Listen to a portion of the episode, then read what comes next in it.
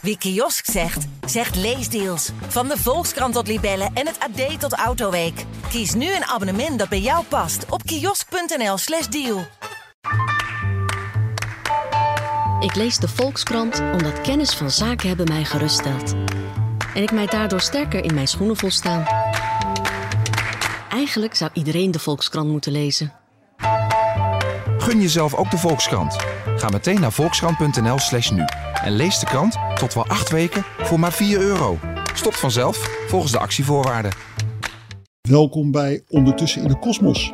Weinig mensen weten dit, maar het internationale klimaatbeleid en het IPCC, het Klimaatpanel van de Verenigde Naties, zijn voor een belangrijk deel uitgedacht in Nederland. Vandaag spreek ik met een van de grondleggers.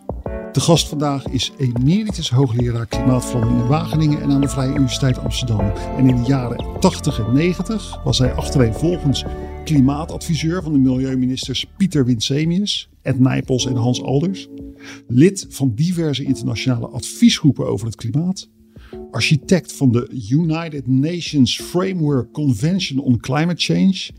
En uiteindelijk een van de grondleggers van het VN-klimaatpanel, het IPCC. Professor Pier Vellinga. Uh, zei ik het eigenlijk goed, al die namen nou, en titels? je maakt het wel heel mooi. Uh, ik was inderdaad betrokken en ook een van de eerste oprichters van IPCC. Maar ik moet wel zeggen, de Canadezen namen daar het initiatief. En uh, ik was uitgenodigd om mee te doen aan een voorloper van IPCC. Ik ben speciaal bij jou langsgekomen om eens wat meer in te zoomen op die hele vroege geschiedenis van het IPCC en van ons internationale uh, beleid eigenlijk op het gebied van, van uh, broeikasgassen. de vorige afleveringen ben ik langs geweest bij Geert-Jan van Oldenborg. die heeft mij verteld waarom we zo zeker weten dat het klimaat verandert. Ik ben bij Appie Sluis langs geweest. die heeft uitgelegd waarom het nog niet eerder op deze manier eigenlijk is gebeurd. Uh, Marjolein, van, uh, Marjolein Haasnoot van Deltaris heeft me uitgelegd wat voor uh, problemen het gaat geven met de zeespiegel. En ja, met jou wil ik het eigenlijk heel graag hebben over de volgende stap in dat geheel. Namelijk de reactie van de internationale politiek, de beginjaren, over hoe het allemaal is begonnen. En misschien, nou ja, je geeft het zelf al aan, het begint natuurlijk bij jouzelf. Jij werkte in Delft. je, was een, je was een jonge man, halverwege jaren tachtig. Je bent een jonge vent. je bent gepromoveerd. Je hebt een tijdje in Amerika gewerkt. En je werkt aan wat toen nog de Technische Hogeschool van Delft heette. Um, hoe kwam jij zo met dat onderwerp in aanraking?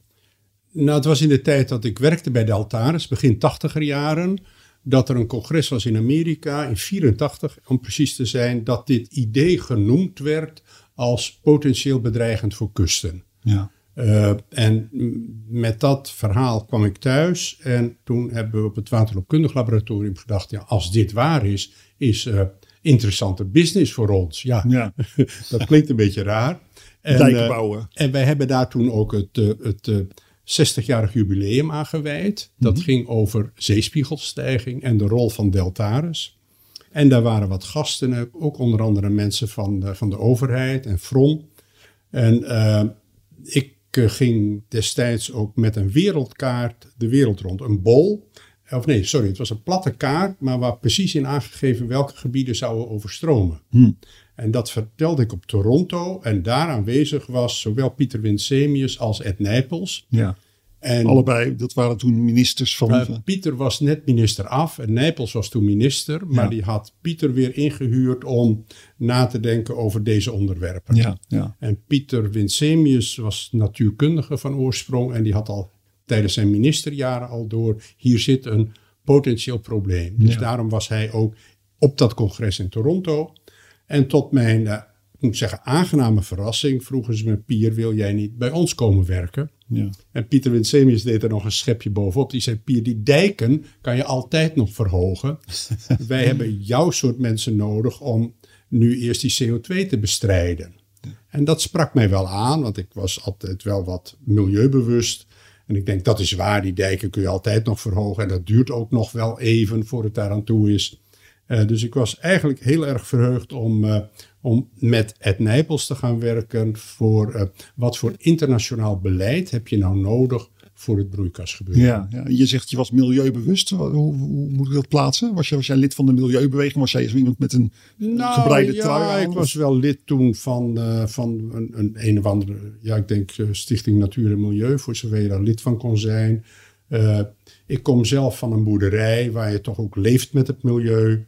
En, en ja, ik, ik, ik was ook altijd wel, ook in mijn eigen vak, die kustwaterbouw, wat holistisch ingesteld. Ja. Hoe, waarom ligt het er nou bij zoals het erbij ligt? En dan moest je ook naar de geologie kijken en niet alleen naar het beton. En ik was ook blij dat ik op het waterloopkundig laboratorium was ik specialist in kusten en duinen, het zachte gebeuren zeg maar. Terwijl de, de andere jongens die deden graag beton van de Oosterschelde. Ja, ja, ja, precies. Dus dit zat past wel een beetje in mijn aard. Dit past in jouw straatje, dit onderwerp. Ja, ja, eigenlijk wel. Gek hè, het was in die, die jaren zeventig was er eigenlijk al best wel veel bewustzijn als je het achteraf bekijkt in, uh, nou ja, uh, in, in het feit dat uh, broeikasgassen de wereld opwarmen. Je had in 1979 de eerste World Climate Conference, georganiseerd nog door de Wereldmeteorologische Organisatie, de WMO. Daarna kwamen een aantal workshops. In, in, ik heb die jaartal even opgezocht. In 1980, in 1983, in 1985 in Villach. Ja. Dat leidde toen tot een consensusverklaring. Eh, en die consensusverklaring die luidde, ik, ik citeer hem even, dat in the first half of the next century a rise of global temperature would occur which is greater than any in man's history. Dus we kunnen een temperatuurstijging verwachten die groter is dan alles wat we ooit hebben gezien.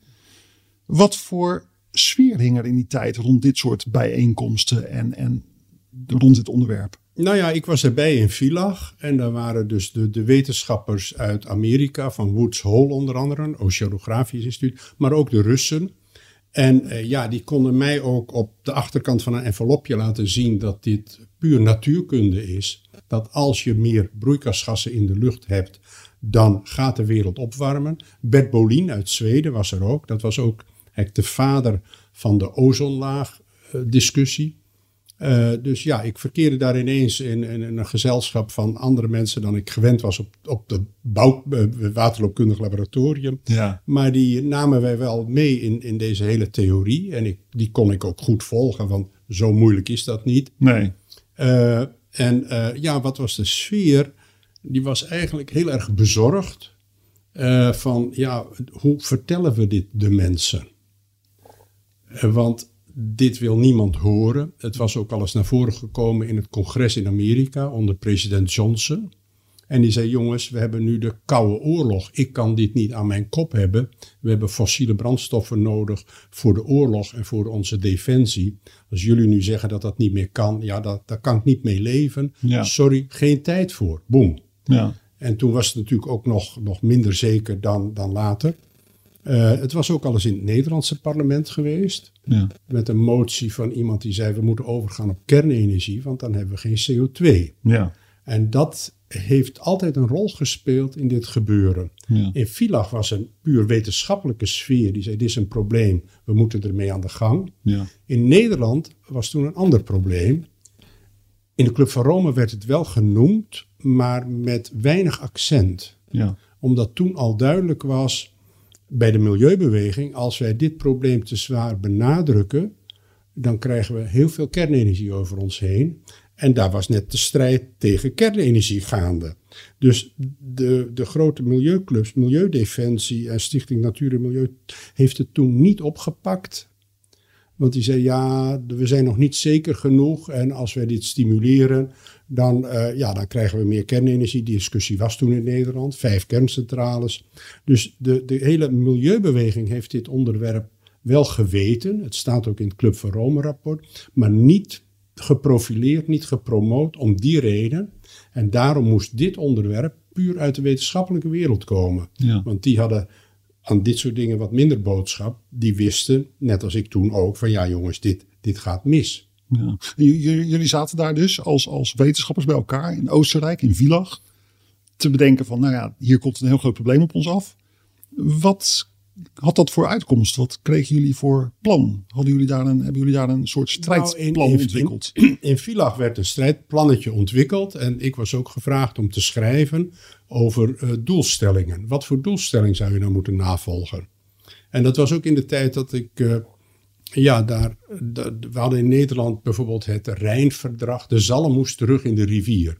Dus ik moest, ik moest ook samen met mijn collega Rob Zwart een doelstelling bedenken. En toen hebben we nagedacht en toen kwamen we op een stoplicht uiteindelijk. En het rode stoplicht dat zou je zeggen, dan mag je niet verder. Geel, dan moet je oppassen. En groen kan je door. En voor ons was groen een temperatuurstijging tot 1 graad. Oranje was tot, tot anderhalf, 2. En rood was boven de 2. Ja. En dat hebben we gepubliceerd al op die Tweede Wereldklimaatconferentie in 89. Dus ja, men was daar, wij waren creatief bezig. Hoe, hoe vertellen we dit de mensen? Ja. Wat daar toen ook aan de orde kwam, is dat uh, deze organisatie waarin wij zaten, een soort spontane adviesgroep van wetenschappers en meteorologen en milieumensen, van ja, uh, wij zijn eigenlijk niet sterk genoeg. En hoe voorkomen we nu dat dit een, geopolitiek uh, splijtswam wordt? Want dat zag je al aankomen. Wij spraken toen ook van winners en losers. Rusland zou een winnaar zijn, want die zou al zijn uh, permafrostgebieden kunnen ontwikkelen voor de landbouw. Canada ook.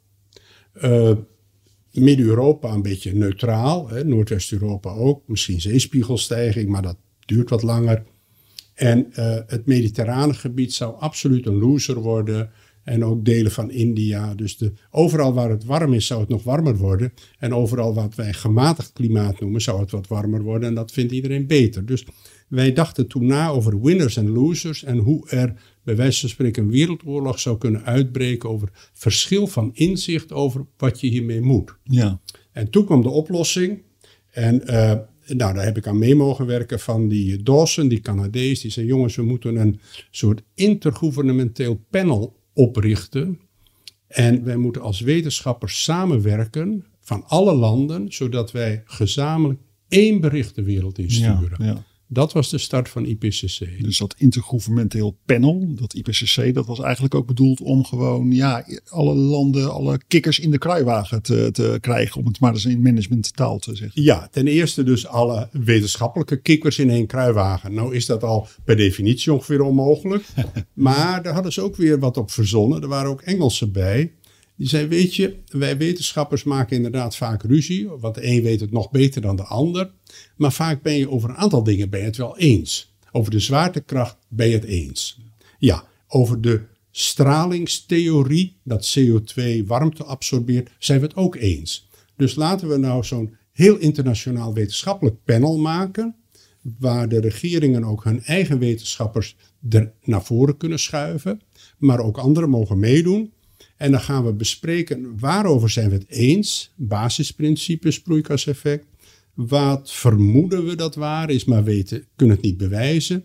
En wat is speculatie? Ja. Dus door de, de, de kennis in drieën te delen, kon je met de meest bizarre wetenschappers, bij wijze van spreken, toch op één lijn komen. Ja, ja. Ik heb wel eens begrepen dat er in die tijd ook wel uh, een, een sfeer was van, nou, wij gaan dit probleem wel eens fixen. Uh, omdat, uh, nou ja, er was net de conventie, de Weense conventie voor de bescherming van de ozonlaag was net geweest.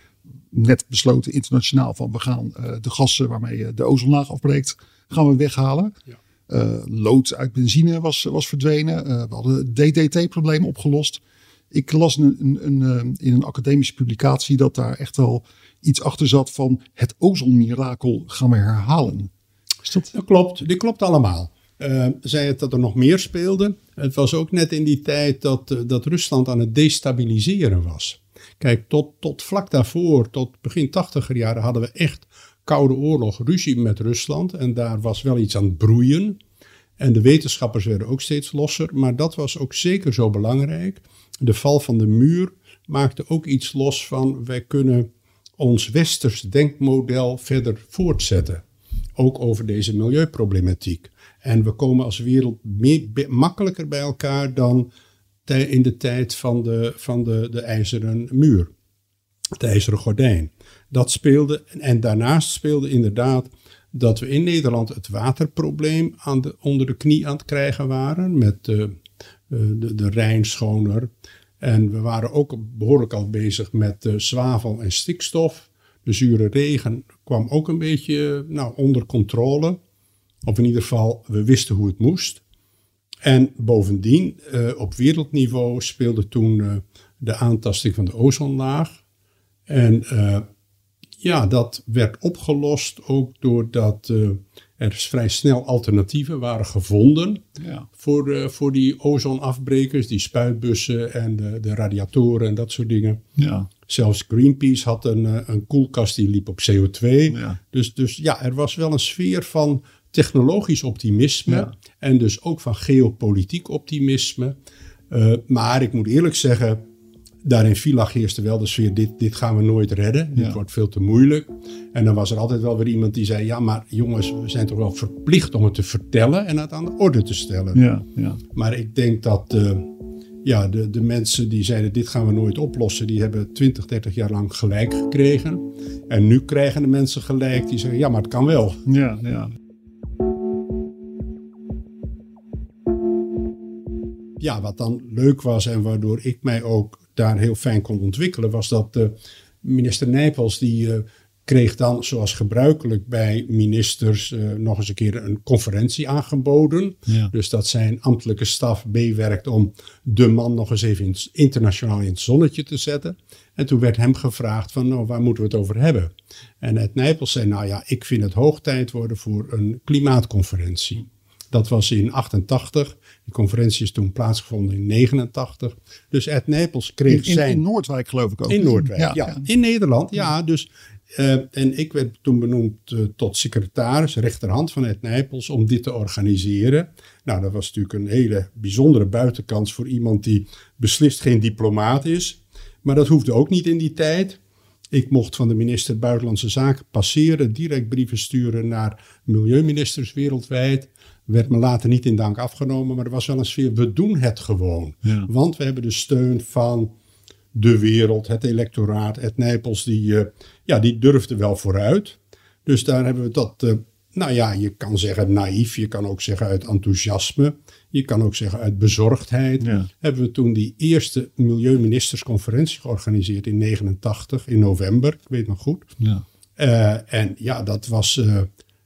En de voorbereidingen daarvoor eh, eh, werd ook toen eh, Pieter Winsemius ingeschakeld. Ja, ik ging dus toen in, eh, in 88 met Pieter Winsemius de wereld rond, naar het Witte Huis en ook naar Japan, om steun te verwerven voor die conferentie. En daar moest je wel een jaar voor uittrekken. En dat lukte vrij goed. En daar hadden we ook ideeën over. Er moet een doelstelling komen en daar moet je dan langzaam naartoe werken. Er moet een fonds komen om ook de arme landen die niet hebben bijgedragen aan het broeikaseffect, die moeten toch gecompenseerd worden.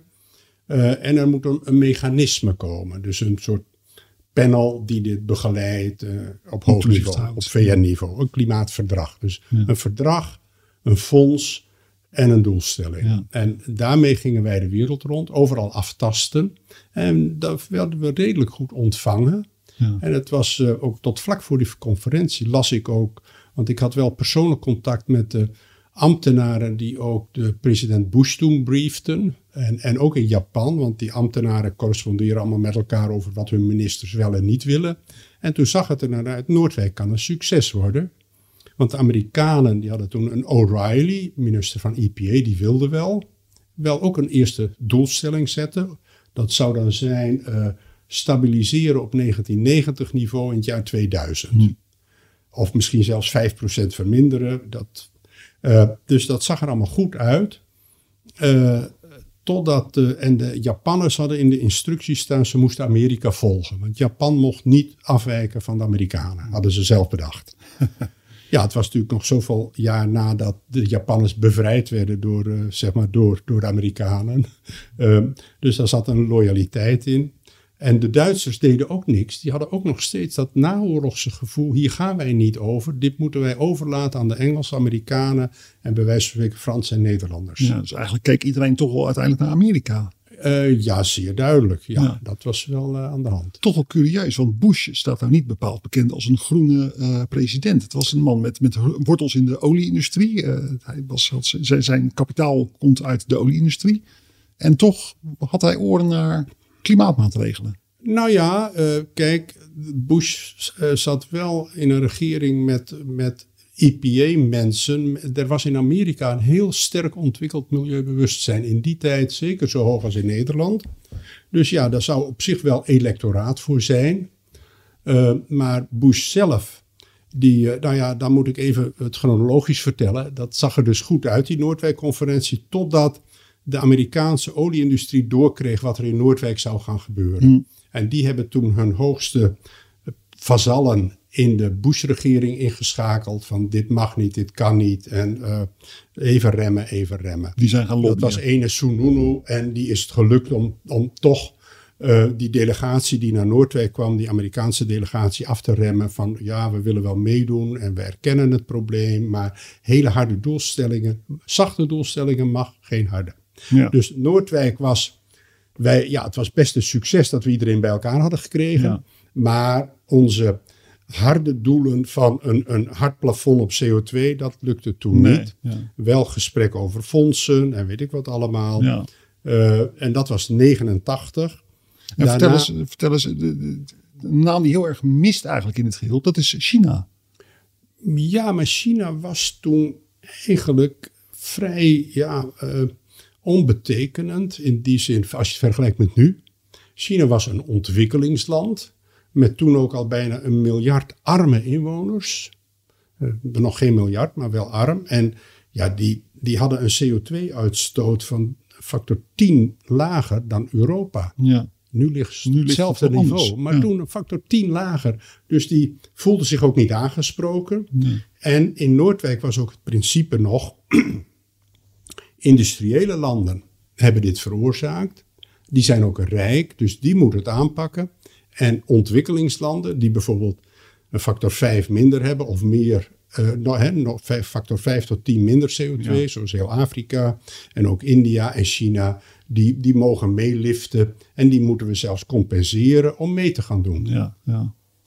Pier Noordwijk, 1989, een conferentie geopend door prinses Beatrix wij als buitenwereld hebben daar eigenlijk nooit iets anders van gezien dan, nou ja, oké, uh, lint doorgeknipt. Uh, en we krijgen wat foto's van, van de mensen die naar binnen lopen, naderhand naar buiten lopen. Wat gebeurt er nou in zo'n zaal? Het is nu 30 jaar verder. Ik, misschien kun je daar iets over vertellen. Wat, hoe gaat zoiets nou? Is dat nou, is dat nou uh, een keurige vergadering? Of gaan mensen daar tegen elkaar schreeuwen? Of wordt het gezellig? Of wat, wat gebeurt er in zo'n zaal? Nou ja, we hebben een paar keer plenair vergaderd. Maar dat ging natuurlijk ook veel via wat je noemt biechtstoelprocedures. Ene Tolba van de, van de UNEP was er ook, baas van de Milieu-VN-organisatie. Een enorme idealist was die man, hè? Ja, ja en heel veel pushing power. Die had ook het Montreal-protocol doorgedrukt. En uh, nou, in zo'n zaal, ja, ik heb zelf ook een paar uur voorgezeten. Want uh, uh, ja, dan, dan deed Nijpels dat niet. Die moest ook wat uit de wind gehouden worden. En, uh, maar ik kende wel iedereen in de zaal, omdat ik dat rondje had gemaakt. En toen deden de Brazilianen ineens raar. En toen deed ik ook iets ongebruikelijks. Ik stapte uit mijn voorzittersstoel, liep naar die delegatie toe. Van jongens, dit hebben we niet afgesproken. Hè? En wat, dat, wat, wat, deden ze dan? Nou ja, ze gingen iets protesteren over uh, dat ze veel minder bossen hadden gekapt dan in die, in die, in die verklaring stond. Ja. En ik zei, nou ja, daar kunnen we wel wat afdoen. Dus het was uh, voor mij ook nieuw, een internationale UN-setting. Maar het was eigenlijk, uh, ja, het lijkt dan heel formeel, maar het was ook best nog heel informeel. Er was, kijk, wat eigenlijk met dat hele broeikaseffect gebeurde in 1989, dat een kleine groep wetenschappers had meteen kortsluiting met de politiek.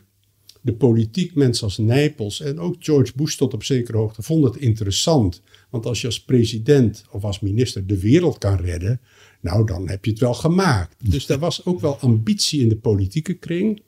En wat is eigenlijk in die zin is overgeslagen, is het draagvlak bij gewone mensen en het draagvlak bij industrie. En met het Montreal-protocol heeft dat gewerkt. Want die zijn gewoon platgeslagen, die industrie. Dat was Dupont en, en mevrouw Thatcher, die kon dat aan.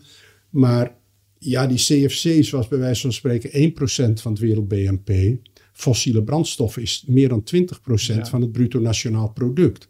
Dus van de 100 mensen werken er 20 mensen in de fossiele industrie. Ja, en CFC's noem je dat zijn de, de, de, gassen die, de drijfgassen die het gat in de ozonlaag veroorzaakt. Hè, voor de mensen die dat Precies, niet Precies, ja. Dus de, de, de, dat, dat, dat, uh, die ozonlaag, daar speelde de industrie een betrekkelijk kleine rol. En uh, terwijl bij de broeikasgassen, vooral CO2, ja, uh, spelen alle industrieën een behoorlijke rol. Dat zie je nu we het willen veranderen. Ja, ja, ja. En dat gebeurde dus in, in Noordwijk en ook in die tijd. dat ja, de, de, ernst van het probleem was zo groot. De wetenschappers spraken direct met de politiek. Eigenlijk net als nu met de COVID. Hè, dan had je een OMT. Nou, dat IPCC was als het ware het OMT. En er moest vandaag gehandeld worden. Ja, ja. En achteraf gezien hadden we ook toen moeten handelen. Want nu zien we dat de brokken op ons afkomen.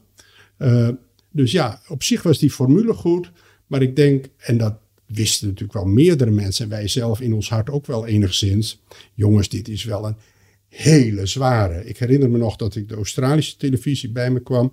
En die vroeg mij toen ook, Pier, wat betekent dit? Ik zei, dat betekent dat vanaf vandaag alle oliewinning in Saudi-Arabië gestopt moet worden.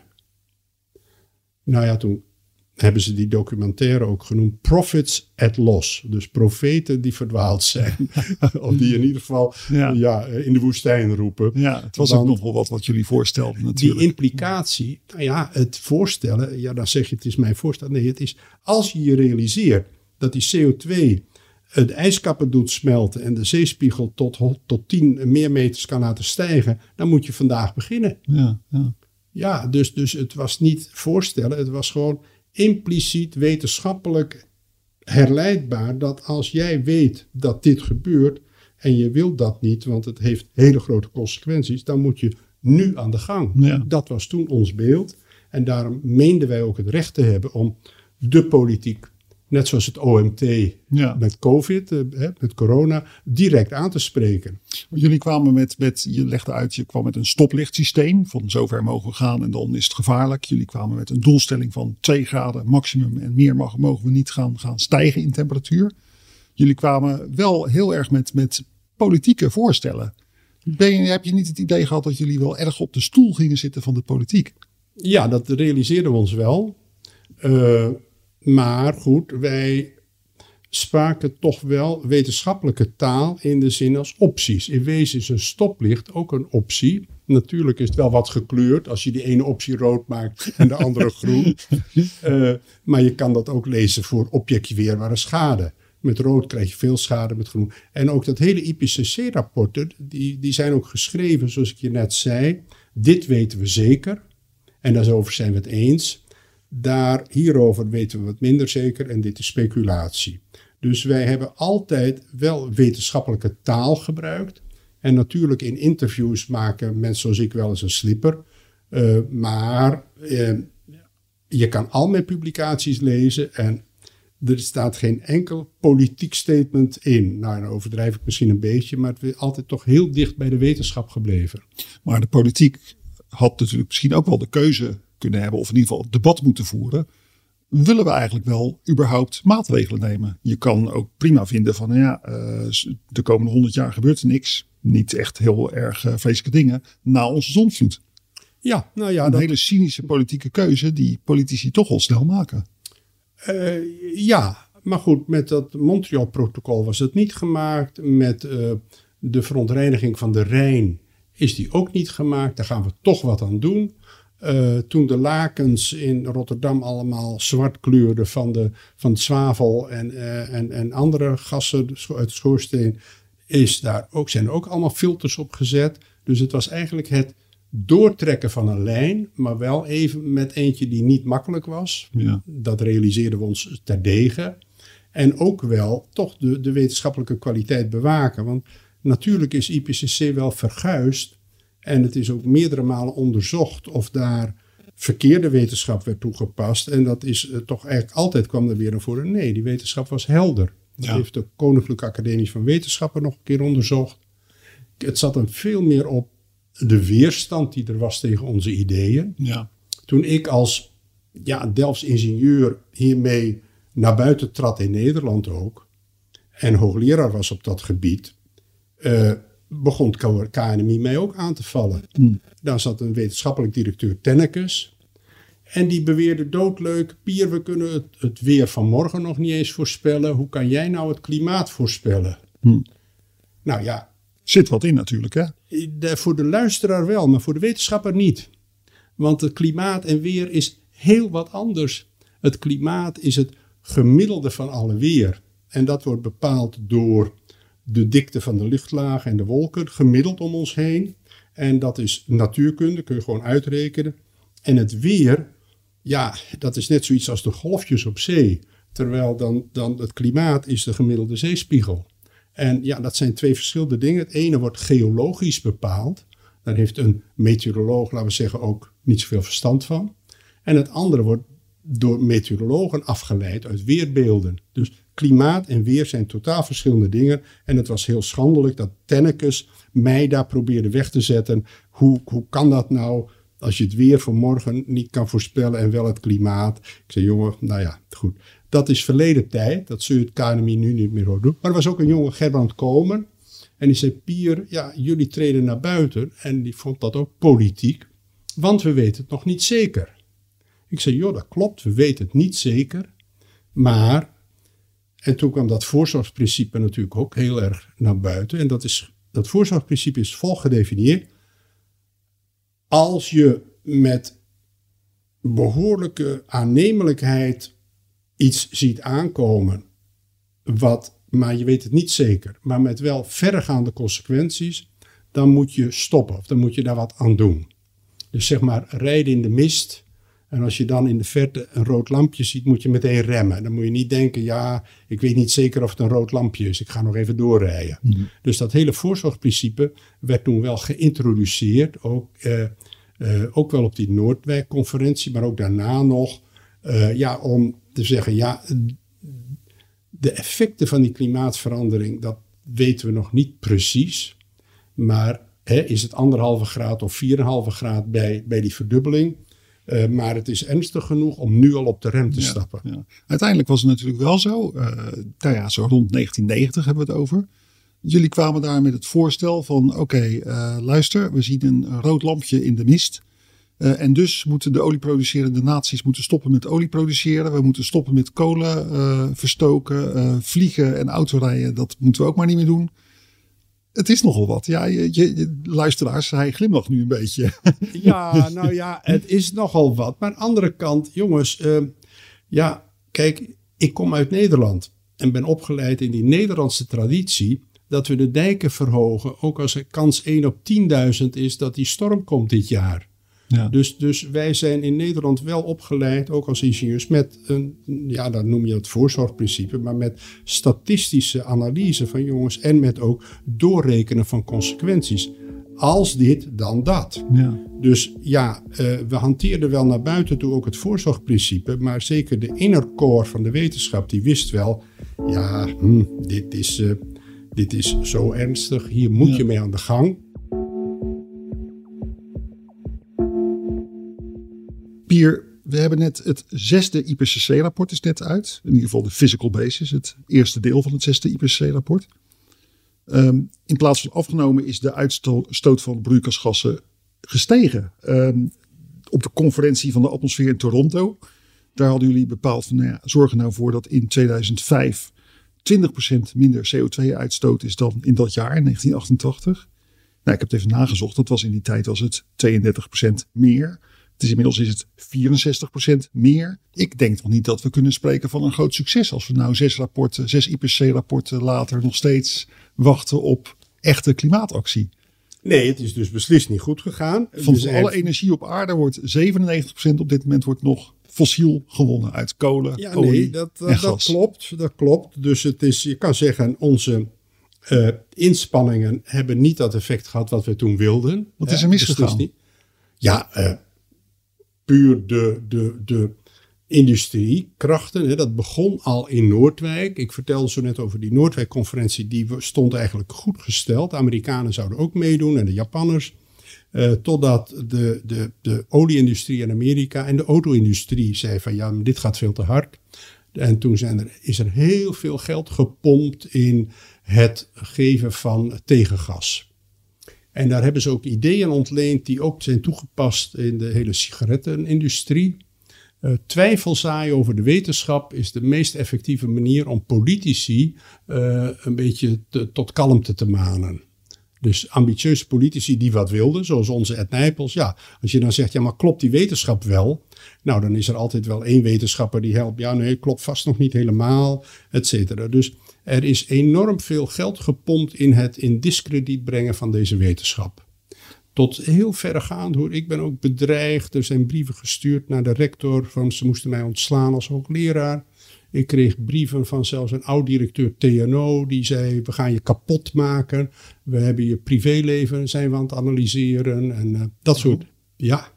En nou, gelukkig zat het allemaal wel redelijk. Ze hebben niet zoveel kunnen vinden. Maar het doel was: we gaan je kapot maken. Dus die, die krachten.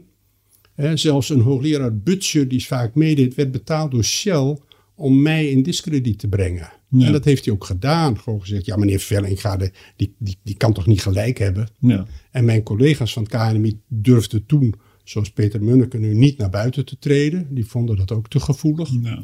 Dus ik heb heel wat over me heen gehad. En uh, in, in Engeland zijn mensen ontslagen en, en, en totaal overspannen geworden. In Amerika ook. Dus die, die eerste generatie klimaathoogleraren, die, eh, die heeft heel wat over zich heen gekregen. zeker. De industrie heeft ontzettend tegengestribbeld, heeft er enorm in geïnvesteerd. Tegelijkertijd is het nu wel zo dat blijkt is de cijfers van het Sociaal en Cultureel Planbureau. De meeste mensen zijn er echt van doordrongen dat klimaatverandering echt is, dat het door de mens komt en dat, er, ja, dat het een groot probleem is. Nou ja, wat, wij, wat wij hoopten. Blijven we uitstoten. Nou ja, ja, hoos even. Maar dat. uh, Kijk, wij hoopten natuurlijk dat we met wetenschappelijke argumenten mensen konden overtuigen. Uh, en dat heeft met de ozonlaag wel gewerkt. Uh, met de visserij ook niet, hè, met de Rijn. Toen zagen de mensen ook de vissen dooddrijven in de rivier. Toen wilden ze wel wat doen. En wat je nu ziet, is hè, de meeste mensen zijn nu wel overtuigd, we hebben een klimaatprobleem. Uh, maar dat is nadat ook mensen als Oldenburg en anderen aantonen dat, uh, dat die rampen die we hier en daar zien wel degelijk komen omdat de aarde is opgewarmd. En dat zien Amerikanen ook, dat die orkanen zijn zwaarder dan voorheen, omdat de temperatuur van het water hoger is. Dus eigenlijk zie je dat eerst zien dan geloven en dan komen we wel tot actie. Hm. Dat puur op basis van wetenschap kom je niet zo ver. het, het, OMT met onze hele coronacrisis heeft zich ook moeten beroepen op uh, mensen in het ziekenhuis die daar dood liggen te gaan. Uh, en ja, dan komt men wel in beweging. Wij hadden met klimaatverandering is natuurlijk zo'n lastig probleem. Dat acties die wij nu doen, die komen pas 30 jaar later aan het licht. Nou, als jij een dief bent en je kan stelen en je gaat pas 30 jaar later de bak in, dan kan je als je 60 plus bent, je helemaal uh, gallie stelen, bij wijze van spreken. Nou, dat is hier gebeurd. Oliemaatschappijen die zeiden, jongens, we gaan pas over 30 jaar krijgen we die milieudefensie over ons heen en worden we misschien persoonlijk in de bak gezet. Nou, dat overleven we nog wel even. Dus het is gewoon rigoureus doorgeramd. Shell wist precies broeikaseffect. Exxon wist het precies. En ze hebben honderden miljoenen geïnvesteerd om het de wetenschappers moeilijk te maken. En, en om te zorgen dat deze boodschap, hè, dus dat dat verhaal van ja, jongens, als je het weer niet eens kan voorspellen, kan je toch ook klimaat niet voorspellen? Of vroeger waren er toch ook ijstijden? Uh, nou ja, je kan het volk makkelijk meenemen in dit soort populistische retoriek. En dat is de industrie gelukt, zei het, dat het ze honderden miljoenen aan lobbygeld heeft gekost. Waar zit de uitgang? We zijn nu op weg naar de conferentie van Glasgow. En als ik gewoon, nou ja, afgelopen maandag was er in Nature Climate Change een heel aardig overzicht van waar we eigenlijk staan.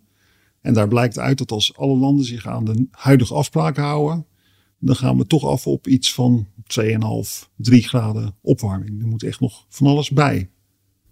Welke kant gaan we op? Nou ja, we halen het niet. Hè. Die 2 graden, dat kan je al bijna op je vingers natellen dat we dat niet halen. Want we zijn nu al op 1,2 en er zit heel veel naeiling in. Dus we moeten ons voorbereiden op een zeespiegelstijging die nog honderden jaren doorgaat. We moeten ons ook voorbereiden op uh, enorme hittetoename in Noord-Afrika en Zuid-Europa. En natuurlijk, ja, dan hoor ik ook bij de mensen die zeggen, daar ga je niet aan dood. Ik bedoel, als Nederlander kun je de dijk verhogen. Als Zuid-Europeaan kun je naar Rusland of Noorwegen verhuizen. Uh, dus de wereld vergaat niet. Als we het zo beneden de drie graden houden, dan hoeft het nog niet totaal uit de klauw gelopen, maar alleen heel veel schade en ook natuurschade. En door die natuurschade ook weer andere uh, epidemieën want dat, en plagen. Dat moet je niet uitpoetsen. Dus we gaan een, een, een, een wereld tegemoet die qua kwaliteit van ruimte, klimaat een stuk onvriendelijker is dan nu. Daar gaan we waarschijnlijk niet dood aan. Je hebt nog mogelijk als escape, als we dat heel vervelend vinden, en dat gaan we vast wel vinden, dat we dan, net als we nu zonnepanelen hebben en windmolens, ook straks CO2 met een stofzuiger uit de lucht gaan zuigen. Ja. En dat we daar weer kerosine van maken. Dat kan. Dat is nu nog te duur. Maar ja, dat dachten we 30 jaar geleden ook van zonne-energie. Dus ik zie ons binnen 30 jaar ook wel weer CO2 uit de lucht halen. Uh, nu kost dat nog uh, heel veel geld. Ik bedoel, daarmee zou de benzine tien keer zo duur worden, minstens. Uh, maar goed, misschien is dat over, over 20 jaar geen tien keer, maar twee keer. Bijvoorbeeld die, die hele Formule 1, hè, die zou over op elektrisch. En dat is wat gestagneerd. Grote bedrijven hebben zich daar weer uit teruggetrokken. Die, die gokken eigenlijk al op kunstmatige CO2-vrije kerosine. Dus kerosine die gemaakt is van CO2 uit de lucht, dat is dan tien keer zo duur. Maar goed, op zo'n racecircuit kennelijk hebben ze dat ervoor over. Dus je ziet al wel dat daar een beweging gaande is en dat ook vliegen. Vliegen kan op batterijen van hier tot Parijs of misschien straks wel van hier tot aan, uh, laten we zeggen even Istanbul. Uh, maar veel verder, dat lukt bijna niet, ook niet op batterijen. Uh, dus daar moet toch ook wel kunstmatige kerosine in. Men zoekt nu vooral naar biomassa, maar dat is natuurlijk toch geen haalbare kaart. Daarvoor is de aarde te klein om al die biomassa te verbouwen. Dus dat we daar richting gaan van kunstmatige kerosine, daar geloof ik wel in. Dus twee dingen. We zijn te laat, we krijgen een hoop ellende. Anderzijds, zelfs in die ellende zal er nog zoveel creativiteit zijn, kunnen zijn in ieder geval, om, om toch ook wel weer die, die hele uh, uh, broeikasgas te, te verminderen. En de pessimisten onder ons die zeggen, ja, dan zijn we te laat, dan hebben we zoveel ellende dat we geen geld meer hebben om dat te doen. En de wat meer optimisten die zeggen van, nou, uh, ja, we hebben ook nu iets kunnen laten zien met zonne-energie en, en windenergie. Waarom zou dat straks niet kunnen met CO2 weer uit de lucht zuigen? Hebben we de slag om het klimaat verloren? Nou, de eerste wedstrijd wel. De eerste helft zeker. Ja, ja. ja. ja de eerste helft hebben we verloren. Ja. ja, zonneklaar. Als we 30 jaar geleden zo enthousiast waren begonnen als we nu bezig zijn, had het er een stuk beter voor gezien. Ja. Uh, voor gezien. Maar ja, dan, kijk, ik heb al dit werk ook vrij veel geschiedenis gelezen. En dat was min of meer als troost over de pest in de 15e eeuw, waar de helft van de Europese bevolking binnen 100 jaar doodging. Nou, dat was vreselijk. En daarna kreeg je de renaissance. Dus die ramp heeft ook weer heel veel nieuws opgeleverd. Ja. En, uh, en wat, wat zeg je daarmee eigenlijk? Het kan altijd erger? Of zeg je daarmee van met vallen en opstaan leren? Het kan altijd erger eh, ook. En, en zelfs in het allerergste ligt vaak weer de kiem tot een wedergeboorte of tot een iets nieuws. Pier Vellinga, hartelijk bedankt voor dit uh, gesprek. Dit was deel 5 alweer van Ondertussen in het Klimaat. Onze serie klimaatpodcasts rondom de klimaatconferentie in Glasgow. Voor nog veel meer, abonneer u op onze wetenschapspodcasts in uw podcast-app naar keuze. Of wat ook kan, neem eens een proefabonnementje op de Volkskrant met deze maand bijna dagelijks achtergrondverhalen over de toestand van het klimaat. Voor nu, de techniek was in handen van Flora den Bieman en Misha van der Hoef. Onze eindredacteur heet Corinne van Duin en mijn naam is Maarten Keulemans. Tot de volgende keer.